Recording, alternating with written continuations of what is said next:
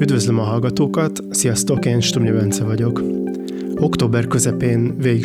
a magyar sajtón az a hír, hogy tavaly Románia megelőzte Magyarországot az egyfőre első GDP vásárlóerőparitáson számított értékében. De pontosan jó híre ez nekünk, vagy rossz? Azt jelenti, hogy a románok gazdagabbak, mint mi, vagy csak van egy mutató, amiben erősebb a gazdaságuk. Milyen okai vannak annak, hogy ez így alakult, mennyire fenntartható a magas román növekedés, és tanulhatunk-e a román gazdaság teljesítményéből valamit. A G7 ilyen hírek árnyalására vállalkozó podcast sorozatában a függő változó mai adásában arra fogok kísérletet tenni, hogy a hír jelentőségét, okait és kontextusát vendégeimmel körüljárjuk. A műsor első részében Hajdu Miklós kollégám arról fog beszélni, hogy mit jelent egyáltalán ez az adat, és hogyha más mutatókat is figyelembe veszünk, akkor milyen különbségek mutatkoznak a magyar és a román gazdaság között. Ezt követően pedig Rácz Béla Gergely, a Kolozsvári Babes Bolyai Tudományegyetem közgazdaság és gazdaságtudományi karának egyetemi adjunktusa, főleg arról fog beszélni, hogy milyen tényezők álltak az erős romániai gazdasági növekedés mögött. Kezdjük magával az adattal. Ez szerint tavaly az EU-s átlaghoz képest az egyfőre jutó GDP vásárlóerőparitáson számított értéke Romániában magasabb volt, mint Magyarországon. Hajdu Miklós kollégámat arról kérdeztem, hogy pontosan mekkora is volt ez a különbség, és hogy a közép-kelet-európai országok mezőnyében milyen felzárkózási teljesítmények járultak hozzá ahhoz, hogy ez az adat így alakuljon. Itt azt érdemes még mielőtt mi ebben belemegyünk a témába hozzátenni, hogy most úgy nagyjából 77-78 százalék környékén áll a, az Európai Uniós átlaghoz viszonyítva a vásárlóerő paritáson mért GDP per fő Magyarországon is, Romániában is. Románia már egy nüansznyival előrébb van, mint Magyarország, de úgy nagyjából ö, ö, azért azt érdemes hozzátenni, hogy, ö, hogy, hogy számszakilag a különbség azért az még elég, elég, elég minimális. Ami viszont nagyon-nagyon jelentős, az az a fejlődési pályában látható különbség, amit nél azt hiszem, hogy, hogy, hogy a legillusztratívabb, hogyha pontos adatot idézek, Románia 2013 és 22 között 22 százalék pontnyi hátrányt dolgozott le az uniós átlaghoz képest, míg Magyarországon ez a konvergencia vagy előrelépés az uniós átlag arányában ez mindössze 8,5 százalék pont volt. Románia e tekintetben a kelet-közép-európai régióban abszolút kiemelkedő, tehát hogy hogyha alapvetően a, a posztszocialista uniós tagországokat nézzük, ott páratlan ez a, ez a felzárkózás, amit, amit Románia mutat. Igazából Magyarország most, hogyha jól emlékszem, akkor nagyjából egy ilyen negyedik, ötödik pozíciót foglal el hátulról a, a, a rangsoron, tehát a GDP per fővásárlóerő paritáson az uniós átlaghoz viszonyítva. Ez a 77-78 százalék, ez hátulról a negyedik, ötödik helyezésre elég. Olyan országokat előz Magyarország, ország, mint például Horvátország, Szlovákia, Lettország és Bulgária, és ugye Magyarországot közvetlenül egyelőre Románia követi.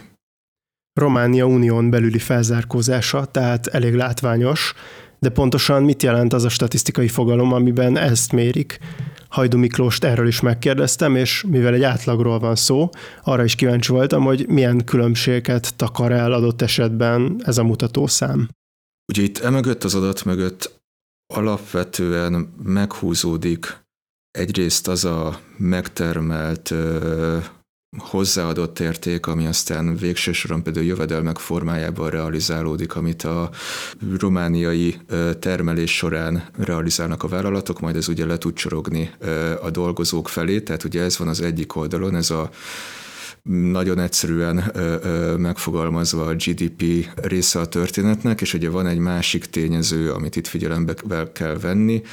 az pedig ugye arról szól, hogy, hogy ez az össztermék, összhozzáadott érték, ez mekkora népességen oszlik el. Tehát ugye ez eleve már két tényező, és akkor még van egy dolog, amit itt figyelembe kell vennünk, az pedig azok a nyilvánvaló országok közötti különbségek, hogy a egyegységnyi pénzen mennyi terméket, szolgáltatást, javat tudunk megvásárolni. Itt jön képbe a vásárlóerő paritás. Tehát ezeket mind ilyenkor fontos letisztázni, hogy, hogy kiigazítjuk-e vásárlóerő paritásra, vagy nem igazítjuk ki ezeket az adatokat. Az is egy nagyon-nagyon fontos tényező, hogy ezek az adatok ezek alapvetően egy nagy átlagos képet mutatnak be, tehát gyakorlatilag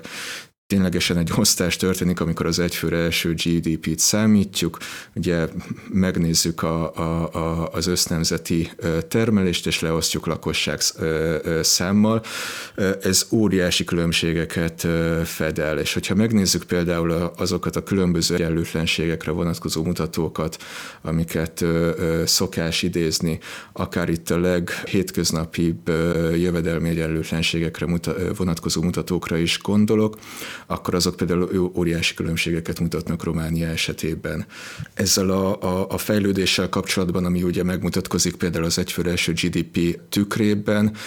általában hozzá szokás tenni, hogy ez alapvetően Romániának egy elég szelektált részére vonatkozik, tehát a nagyvárosi térségekre vonatkozik, kiemelkedik egy-két jellemzően Nyugat-Romániában található nagyváros, míg a kisebb falusias környékek, amelyek az ország belsejében, illetve a keleti részében találhatók, azok jóval kevésbé részesülnek ebből a, ebből a fejlődésből. Ugye még az is egy nagyon fontos tendencia, hogy ágazatok szempontjából, ahogy összehasonlítjuk a konvergencia vagy GDP per főkrében tett előrelépést, hogy ez mennyiben érinti azokat az ágazatokat, amelyek, amelyek szolgáltatásokra, illetve a feldolgozóiparra, iparhoz kapcsolódnak, és mennyiben érintik azt az egyébként Romániában elég jelentős mezőgazdasági ágazatot, amitől sok ember várja. Tulajdonképpen olyan módon a megélhetését, ami igazából hivatalos gazdaságstatisztikák és társadalomstatisztikák szempontjából nem is igazán látszik meg. Még ugye azt érdemes hozzátenni ezekhez a mutatókhoz, hogy ugye azáltal, hogy leosztjuk népességszámarányosan őket, egyáltalán nem közömbös az, ahogy, ahogy az ország demográfiája alakul. Ugye Románia híres arról a közép-kelet-európai országok körében, hogy óriási az elvándorlás, nagyon-nagyon sokan vannak külföldi munkavállalók. Ez egy sokkal jelentősebb tendencia Romániában, mint például Magyarországon. Például az ő szerepük, az ő eltűnésük tulajdon tulajdonképpen miközben különböző transferek révén mégiscsak hozzá tudnak járulni a, a romániai gazdasági ö, ö, statisztikák ö, alakulásához a termelési oldalon, de már például ö, a lakosság számban nem jelennek meg, ez is egy nagyon jelentős tényező ebből a szempontból. Jelentős egyenlőtlenségek látsznak tehát a romániai egyfőreső nemzeti össztermék mögött, de vajon mennyire érdemes a magyarral összehasonlítva arra a következtetésre jutni, hogy a román gazdaság fejlettebb lett? Mi a helyzet akkor, hogyha más mutatószámokat is összehasonlítunk? Ez már csak azért is érdekes, mert úgy néz ki, hogy több fontos mutató alakulása is arról árulkodik, hogy a romániai életszínvonal elérte a Magyarországit. Igazából, hogyha megnézzük az úgynevezett egyfőre eső tényleges fogyasztást, és ezt is vásárlóerőparitáson kiigazítjuk, tehát az árakban mutatkozó országok közötti különbségeket, azokat megpróbáljuk kivonni az összehasonlításból, akkor is azt látjuk most már, hogy, hogy Románia előrébb van, mint Magyarország, és e tekintetben jóval nagyobb a romániai előny, mint a GDP per fő tekintetében. Tehát, hogyha pontos adatokat nézünk, akkor 2022-ben ez már 88%-os szinten volt az uniós átlaghoz képest Romániában, ez a tényleges fogyasztás, Magyarországon pedig 72% volt ez. Tehát itt már jóval szélesebbre nyílt az olló, és itt a, a romániai konvergencia az, az, az, az, az rendkívül meredeknek mutatkozik. Itt egyébként már évekkel ezelőtt megtörtént az, hogy, hogy Románia megelőzte Magyarországot. Ez a tényleges fogyasztás, ez egyébként abból a szempontból egy érdekes mutató, hogy ebben már megmutatkoznak azok a transferek, szolgáltatások, ellátásokat, miket az állam nyújt. Tehát itt nem csak azok a konkrétan ö, megvásárolt, megrendelt, igénybe vett szolgáltatások ö, vannak számon tartva, amiket ö, amiket közvetlenül konkrétan fizet az ember, hanem, hanem ez, egy, ez, egy, ez egy szélesebb körű történet, és ez azért nagyon fontos, mert az elmúlt évtized, tehát a 2010-es évek közepétől kezdve nagyjából volt egy viszonylag nagyvonalú politika, gazdaságpolitika Romániában abban a tekintetben, hogy akár nyugdíjak emelése, az ellátórendszereken sokat finomítottak, azoknak a, a, az elérhetőségén javítottak, és ez mind megmutatkozik ebben a, ebben a, ebben a mutatóban, úgyhogy ez egy picit szélesebb körben árulkodik a, az életminőségnek az alakulásáról. Ugye e tekintetben például az egy nagyon fontos mutató szintén, ami a nyugdíjakra vonatkozik, tehát például a nyugdíjak értéke. Ebben a tekintetben is jó részt ezeknek a, nagyvonalú kormányzati döntéseknek köszönhetően Romániában, mert hogyha jól emlékszem, akkor ilyen 2018-9 környékén volt egy olyan lépés, amikor már azt lehetett érzékelni, hogy a, a, a román nyugdíjak vásárló ereje azok ö, ö, kezdik megszorongatni a magyar, magyarországi nyugdíjakét. Ugye még amit szokás egyébként gyakran idézni, az a minimálbér, ami egy kicsit csalóka, itt azért érdemes ezt figyelembe venni, hogy, hogy milyen adóék rakódik a minimálbérre. A bruttó minimálbér az már meghaladja Romániában, a Magyarország itt a nettó szint az, az kérdéses erősen. Tehát ugye az adórendszer különbségei miatt ez egy, ez egy nem egészen egyértelműen eldönthető kérdés. Minden esetre az egy érdekes dolog, hogy Romániában a munkáltatók, munkadók kénytelenek magasabb bért fizetni bruttó értékben most már az ottani dolgozóknak, mint Magyarországon.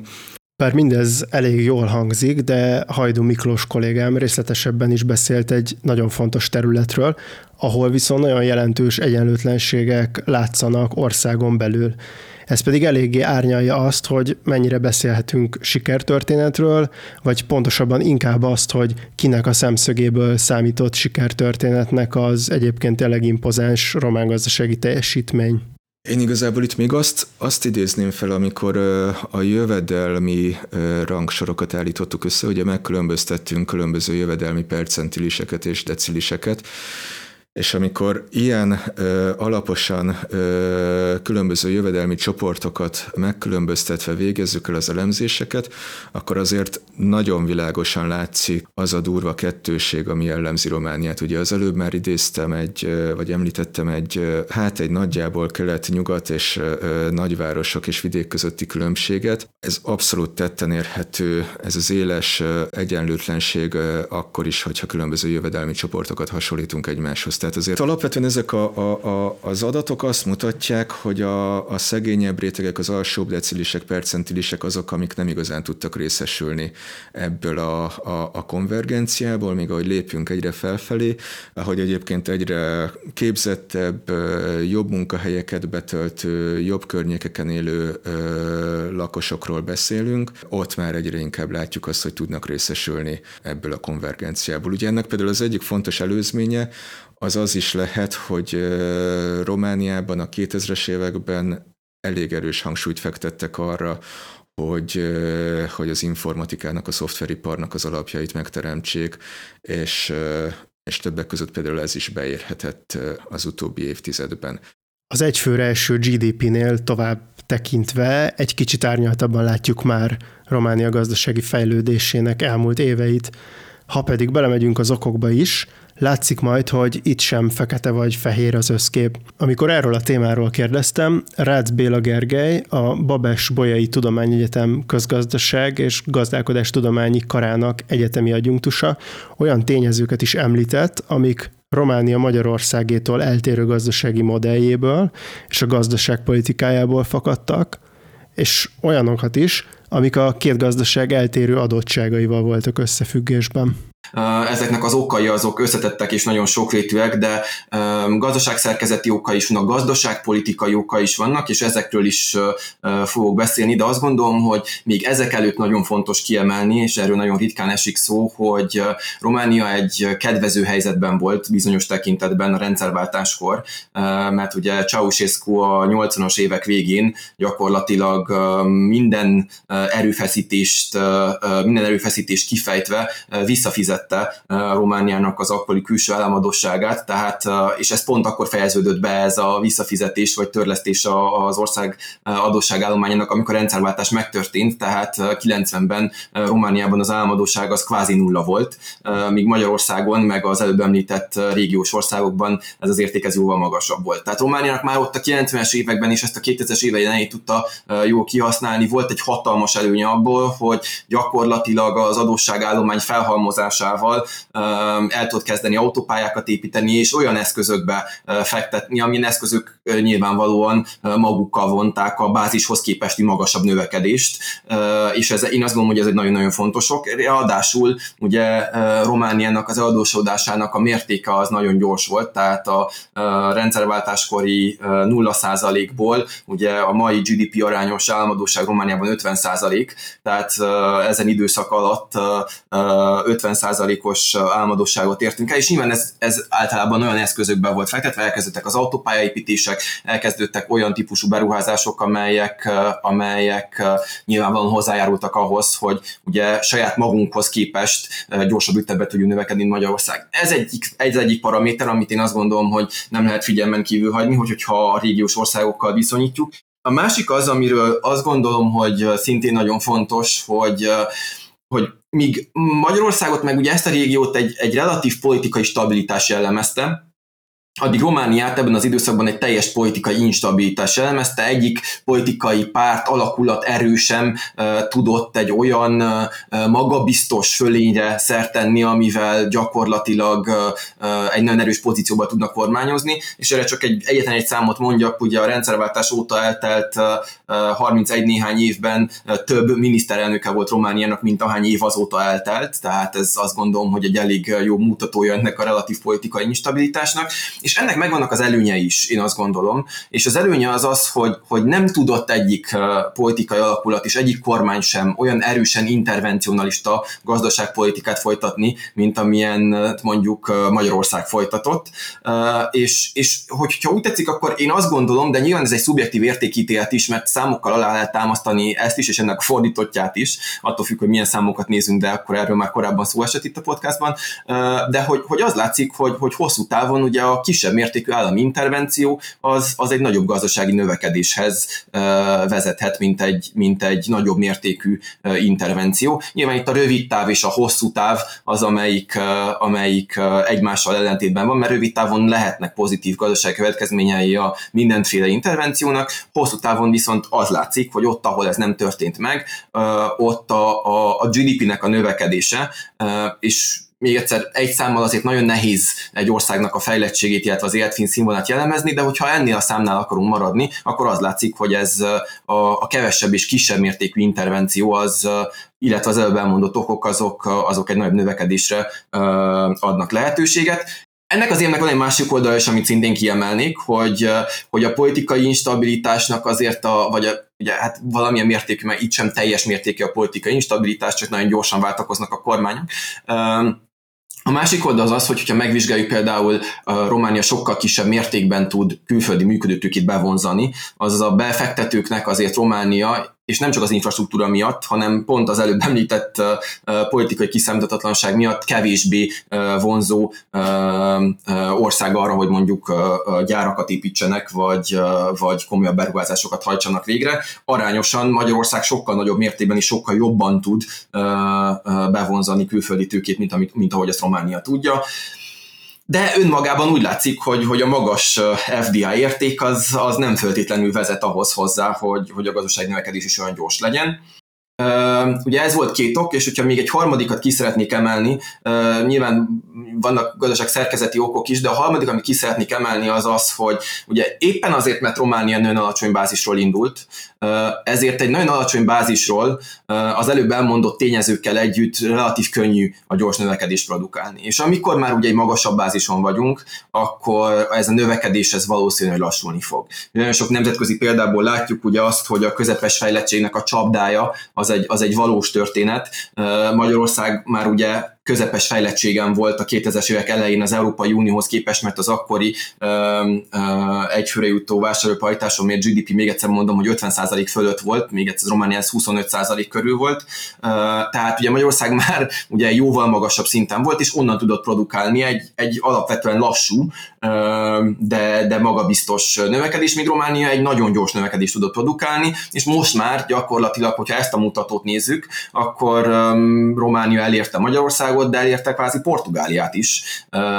ebben a mutatóban, és ez ugye ez 77%-ot jelent az Európai Unió átlagához képest. Itt következik be az, hogy,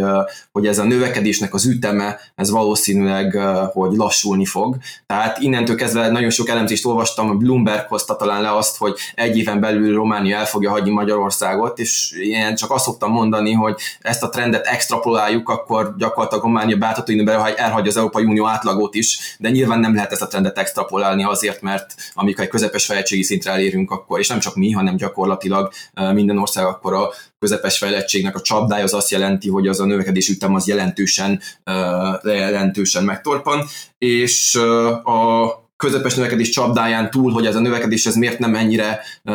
lehetünk optimisták ezzel kapcsolatosan a jövőre, az az, hogy ugye ez a növekedés mögött azért nagyon sok makrogazdasági egyensúlytalanság halmozódott fel. Tehát, hogy ennek azért van egy olyan ára, amit szintén közép-hosszú távon meg fogunk fizetni többek között a növekedésnek a lassulásában is, és más olyan hát gazdaságpolitikai reformokra van szükség, amelyek az eddig magunkkal cipelt vagy hurcolt gazdasági és makrogazdasági egyensúlytalanságokat valahogy egy egyensúly irányába eltolja. De hát ez az egyensúly irányába való eltolás, ez, ez nyilvánvalóan olyan gazdasági és adóreformokat, meg egyéb reformokat jelent, amelyek, amelyek hosszú távon még egyszer lassítják ezt a növekedési ütemet. Hajdu Miklós említette, hogy Romániában az elmúlt pár évtizedben jelentősebb volt a kivándorlás, mint a régióban, és az elemzések emellett azt is kiszokták emelni, hogy a román gazdasági növekedésen belül jelentős tényező volt a fogyasztás növekedése. Ez ráadásul a már szintén említett társadalmi és gazdaságpolitikai intézkedések is hozzájárultak. Arról is megkérdeztem ezért Rácz Béla Gergelyt, hogy mekkora szerepe volt a külföldön dolgozók hazautalásainak a romániai gazdasági teljesítményben, és hogy ez a fogyasztásorientáltság mennyire jelent esetleg hátrányt a jövőbeli gazdasági kilátásokkal összefüggésben. Igen, Románia 2015-ig, a 2000-es évek végétől, ugye 2015-ig egy elég kiszámítható és korrekt gazdaságpolitikát folytatott, ahol megpróbálták a korábban létrejött egyensúlytalanságokat kiegyensúlyozni. 2015-től viszont Románia gazdasága újból állt erre a nagyon erősen fogyasztás orientált növekedésre. 2016-ban már jelentős költségvetési hiány volt, és 2019-ben Románia már 4,4% fölötti költségvetési hiányjal zárta a 2019-es évet, akkor, amikor ennek úgymond semmilyen külső oka nem volt. Tehát Romániának a Románia már túlzott deficitáljárásban van, amiről szintén ritkában beszélnek 2019 óta, mert a, későbbi éveket lehet magyarázni különböző ö, külső okokkal, hogy hát akkor a koronavírus válság rendben van, a háború ö, miatti túlköltekezés, de 2019-ben semmilyen olyan ok nem volt, ami indokolta volna azt a túlköltekezést, és gyakorlatilag gyakorlatilag ez a trend ez folytatódik. Most is nagyon súlyos gazdasági, hát ők reformoknak nevezik, de valójában megszorítások vannak Romániában ahhoz, hogy, hogy egy 6% alatti költségvetési hiányal tudja a kormány a 2023-as évet zárni. Tehát ez a fogyasztás orientált növekedési modell, ez, ez, ez jól működött, és ez azt gondolom, hogy a felzárkózáshoz is vezetett, ugye jelentős mértékben emelkedett növekedtek ugye a, a bérek, ha megvizsgáljuk azt szintén, hogy a, a, a bérek, és nem csak nominálisan, hanem akár vásárlóerőn vagy reálértékben nézve is, hogyan növekedtek Romániában többi országhoz képest, akkor itt is gyakorlatilag ugyanaz a trend látszik, mint ami a, az egyfőre jutó vásárló erőparitáson mért GDP növekedésében látszik. Tehát ez, ez azért tényleg hozzájött a jóléthez, de pontosan ez a nagyon erősen fogyasztás orientált növekedés az, amiért az előbb említett úgymond egyensúlytalanságok kialakultak a, a, a költségvetésben, és ezek közül talán a, a legfontosabb, amit itt ki kell emelni, az a, az, az ikerhiány. Tehát mind a, a, a költségvetésnek jelentős hiánya van, de a, a a folyófizetési mérlegnek is hiánya van. Na most nyilván a folyófizetési mérlegnek a hiánya az elsősorban a külkereskedelmi mérleg hiányából származik, és ezt, ezt azért kompenzálta uh, sokáig, jelentős mértékben ugye a kivándorolt uh, tipikusan munkásoknak a, a hazautalásai, de ezeknek a súlya azért nagyon csökkent. Um, 2006-ban a hazautalások azok a GDP-nek az 5%-át tették ki, tehát akkor azért ez egy jelentős súlyjal jelent meg ugye a folyó fizetési mérlegben, és bizonyos mértékben kompenzálta a, a, a külkereskedelmi mérleg hiányát, de ez 2022-ben már csak 1%-ot tett ki a GDP-ből, és, és 2023-as évben ez már 1% alá fog menni, tehát, hogy ha a felzárkózás, hogyha egy hosszabb periódusra né, tekintve nézzük, akkor ez nyilván hozzájárult ahhoz, hogy ez a, ez a uh, egyfőtő GDP uh, uh, mutató azért valamilyen mértékben növekedett, de hogyha azt nézzük, hogy ez a továbbiakban milyen mértékben fog segíteni, akkor ennek a súlya uh, egyre kevesebb lett, tehát nyilván ez azért is, mert hogyha ezt a GDP-hez viszonyítjuk, akkor Románia GDP-je meghaladta 300 milliárd eurót, tehát um, abszolút értékben nem csökkentek a hazautalásoknak az értékei, viszont relatív értelemben ugye a GDP az gyorsabban növekedett, mint ahogy a hazautalt összegek nominálisan növekedtek, és ez ahhoz vezetett, hogy ma már 2023-ban ez a GDP-nek kevesebb, mint egy százalékát fogja kitenni, úgyhogy ezt nem gondolom egy olyan drivernek, ami, ami, ami jelentős lenne. A régión belül is híres a román IT szektor, és arról az intézkedésről is sokat lehetett olvasni. A GTM külön cikkben is foglalkoztunk vele, ami a mentességgel igyekezte ösztönözni a szektor fejlődését. Arra is rákérdeztem ezért, hogy iparági lebontásban mennyire tér el a magyar gazdasági modell a romántól, és hogy ennek mennyi köze volt a román gazdasági sikerekhez. Igen, teljes mértékben eltérő, ugye még egyszer mindennek megvannak az előnye és megvan a hátránya. Onnantól kezdve, hogy ugye Magyarországra az FDI beállás az jelentős volt, és hogy abból tipikusan különböző gyárak épültek, ezért, hogyha megvizsgáljuk a magyar GDP szerkezetét, akkor az, az nagyobb mértékben ugye a termelésből származik, és Romániában pedig nagyobb mértékben a szolgáltatásból származik ez és ennek nyilván van, van jelentősége. Uh, nyilván a, a, a munkaerőnek a, a, a produktivitása, a termelékenysége az Romániában jóval magasabb, uh, mint Magyarországon, mert nyilván van az hozzáadott érték ugye a szolgáltatásokban, az uh, sokszor magasabb, mint mondjuk a termelésben, főleg, hogyha a termelés az csak termelés, és nincs emeltek kutatás, fejlesztés és egyéb olyan dolgok, amelyek azért ezt a hozzáadott értéket ezt növelnék. Úgyhogy igen, ennek egy előnye van, tehát hogyha azt nézzük meg, és a, ugye GDP per főről szoktunk beszélni, és ez egy nagyon fontos mutató, de én azt gondolom, hogy nagyon-nagyon fontos mutató az is, hogy GDP per foglalkoztatottak száma, és hogyha ezt tekintjük, akkor Románia abban nominálisan is jóval Magyarország fölött van. Ugye itt azért arányosan kevesebb a, a foglalkoztatottaknak a száma, még egyszer a teljes lakosság arányában, mint Magyarországon, éppen a nagy, magasabb mértékű elvándorlás miatt. Tehát nyilván ezekből az adatokból is kiderül az, hogy ugye a munkaerő termelékenysége az Romániában jó, és ez, ez gyakorlatilag alá tudja támasztani azt, hogy Romániának a növekedés az nyilván meg fog valamilyen mértékben torpanni, de hogy azért még van benne potenciál. Na most ez ennek, a, ez ennek az előnye, hogy azért a román gazdaság az, az magyarhoz képest legalábbis inkább a szolgáltatások irányába van, ö, ö, van elmozdulva. És viszont ennek a hátránya az az, hogy ugye a gyártóegységeket nehezebben lehet elvinni míg a, a különböző szolgáltatásokat, shared service centereket és egyebeket gyakorlatilag egy, egy papír aláírásával már hónapra lehet költöztetni, és, és ugye az IT-nak az adókedvezményeiről beszéltünk, hogy, hogy SZIA-t az IT szektorban nem kell fizetni. A most meghozott úgynevezett adóreformokkal többek között ezt vezetik ki részlegesen. 10 lejes bruttó bér fölött, és mindenki 10 lejes bruttó bér fölött van az IT-ban, Romániában, vagy majdnem mindenki. A fölött ugye már, már kell fizetni SZIA-t, és ez az első lépés annak az irányába, hogy ezek a, az adókedvezmények ezek kivezetésre eh, kerüljenek. Ez nem csak a, az IT-ban van, hanem az építkezőiparban is van, ahol ráadásul differenciált magasabb minimálbér van, eh, az agrárszektorban is eh, vannak különböző adókedvezmények, és nyilván ezek hozzájárultak ehhez a nagymértékű növekedéshez, de most ugye, hogy a helyzet az egy kicsit negatívra fordult, vagy ugye globális szinten is erős nyomások helyezkednek, nem csak a román, de a, a mindenféle gazdaságokra, ezért ezeket a kedvezményeket fokozatosan ki kell vezetni, és ez még egyszer már el is kezdődött az idén novembertől, és akkor innentől kezdve ugye kevésbé, kevésbé lesz Románia vonzó ezen területeken belül, és, és akkor megtörténhet ugye az a váltás, hogy akkor Romániából ezek kivonulnak. Nyilván nem tartunk még ott, de az már teljes mértékben látszik, hogy ezek az adókedvezmények, ezek úgy, ahogy eddig tarthatóak voltak, most már nem tarthatóak, és már konkrétan el is kezdődött ezeknek a kivezetése az IT-ban is.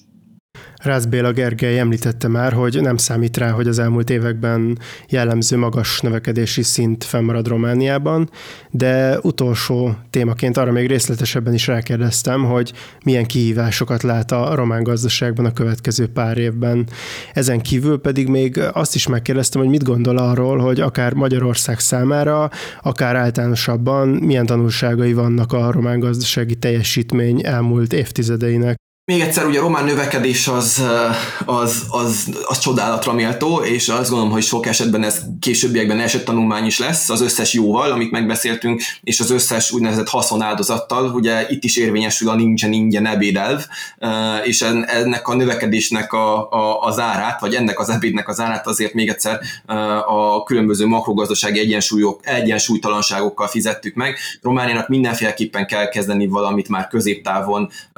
az IKE hiánynak a, a leszorításával. Ugye elkezdődött már ugye a költségvetési hiánynak a, a mérséklése, és itt azért már voltak erőteljes adó ügyi változások, hogy legalább ugye a költségvetési hiányt tartsák kordában, viszont a, ha megvizsgáljuk a külkereskedelmi mérleget, vagy akár a folyófizetési mérleget, mind a kettőt, annak a trendje sajnos erősen növekvő hiány látszik ezekben, és ez akkor, amikor már nem olyan jók a, a külső makrotényezők, hogy a növekedést azt olyan könnyen elő lehet állítani, akkor ezek azért erősen sérülékenyé teszik a, a román növekedésmodellt, de sérülik, sérülékenyé teszik a teljes román gazdaságot. Ez egy olyan kihívás, amivel azt gondolom, hogy ha akar foglalkozni, ha nem akar foglalkozni a, a következő román kormány és kormányok ezzel foglalkoznia kell. Egy másik nagyon fontos mutató, amiben rosszul áll Románia, és, és szintén nagyon-nagyon nagy sürgetés van abban, hogy ebben történjen előrelépés, az az adóbehajtás hatékonysága, amivel gyakorlatilag az Európai Unióban az utolsó helyen vagyunk, azaz azokat a relatív alacsony adókat sem tudjuk hatékonyan behajtani, amelyen alacsony adókat a, a, az állam az kivet, illetve ami szintén egy kihívást fog jelenteni, de kezdeni kell vele valamit, azok, de erről már korábban ebben a podcastban volt szó,